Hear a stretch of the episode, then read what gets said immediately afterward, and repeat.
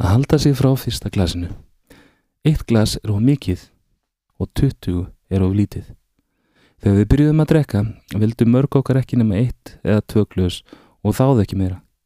En með tímanum jógst fjöldi þeirra og um síðir fundum við að við vorum farin að drekka meira og meira. Sum okkar urðu mjög drukkin. Kanski sást þetta ekki alltaf á okkur nýja heyrðist en að þessum tíma vorum við aldrei alveg allskáð. Ef þetta fór of mikið töðunar á okkur, minguðu við drikkjuna eða reyndum að takmokka okkur við eitt eða tvö glös eða að fara að drekka bjór eða léttvin í sterka að drikja. Við reyndum að minnstakosti að minga magnið svo við yrðum ekki allt á drikkin. En alla þessar aðferðir urðu erfiðari og erfiðari. Stundum fórum við jafnvel í bindindi og drukkum alls ekki í tíma. En við fórum alltaf að drekka aftur, bara eitt glans og fyrst það gerði okkur greinilega engan stórskaða fannst okkur allt í lagi að fá okkur annað.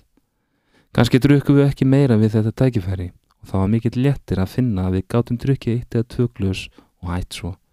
Sum okkar gerði þetta oft, en þetta reyndist vera tál.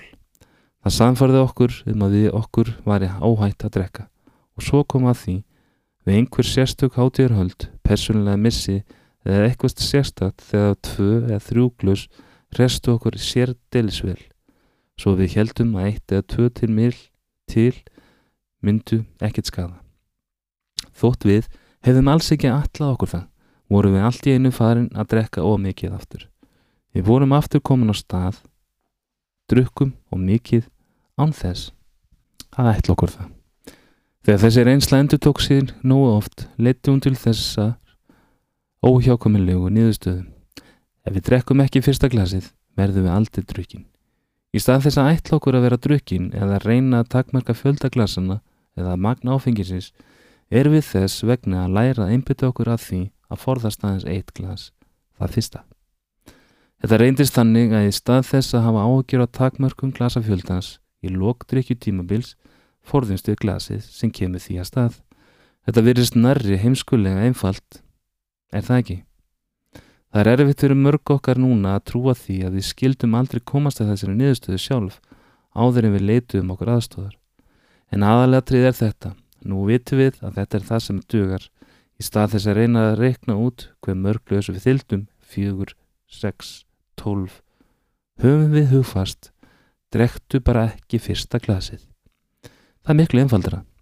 Þessi hugsun að venja hefur hjálpað hundruðum þúsunda manna til að halda okkur frá áfengi svo árum skipti. Læknar sem hafa sérhæft sig í alkoholisma segja okkur að það sé læknisfræðilega rétt að forðast fyrsta glasið. Fyrsta glasið kemur á stað í lungun, annarkvort strax eða einhver tíma síðar til að drekka meira og meira. Þar til við erum aftur komin í vandræða vegna drikjunar. Margir hafa komast á þá skoðun að alkoholismi sé það þegar við verðum háð eitt í lífinu. Alkoholi og verðum að halda okkur frá fyrsta skamtinum að lifinu sem við höfum ánýttjast eins og allir eitthilega sjúklingar sem vilja halda hilsu.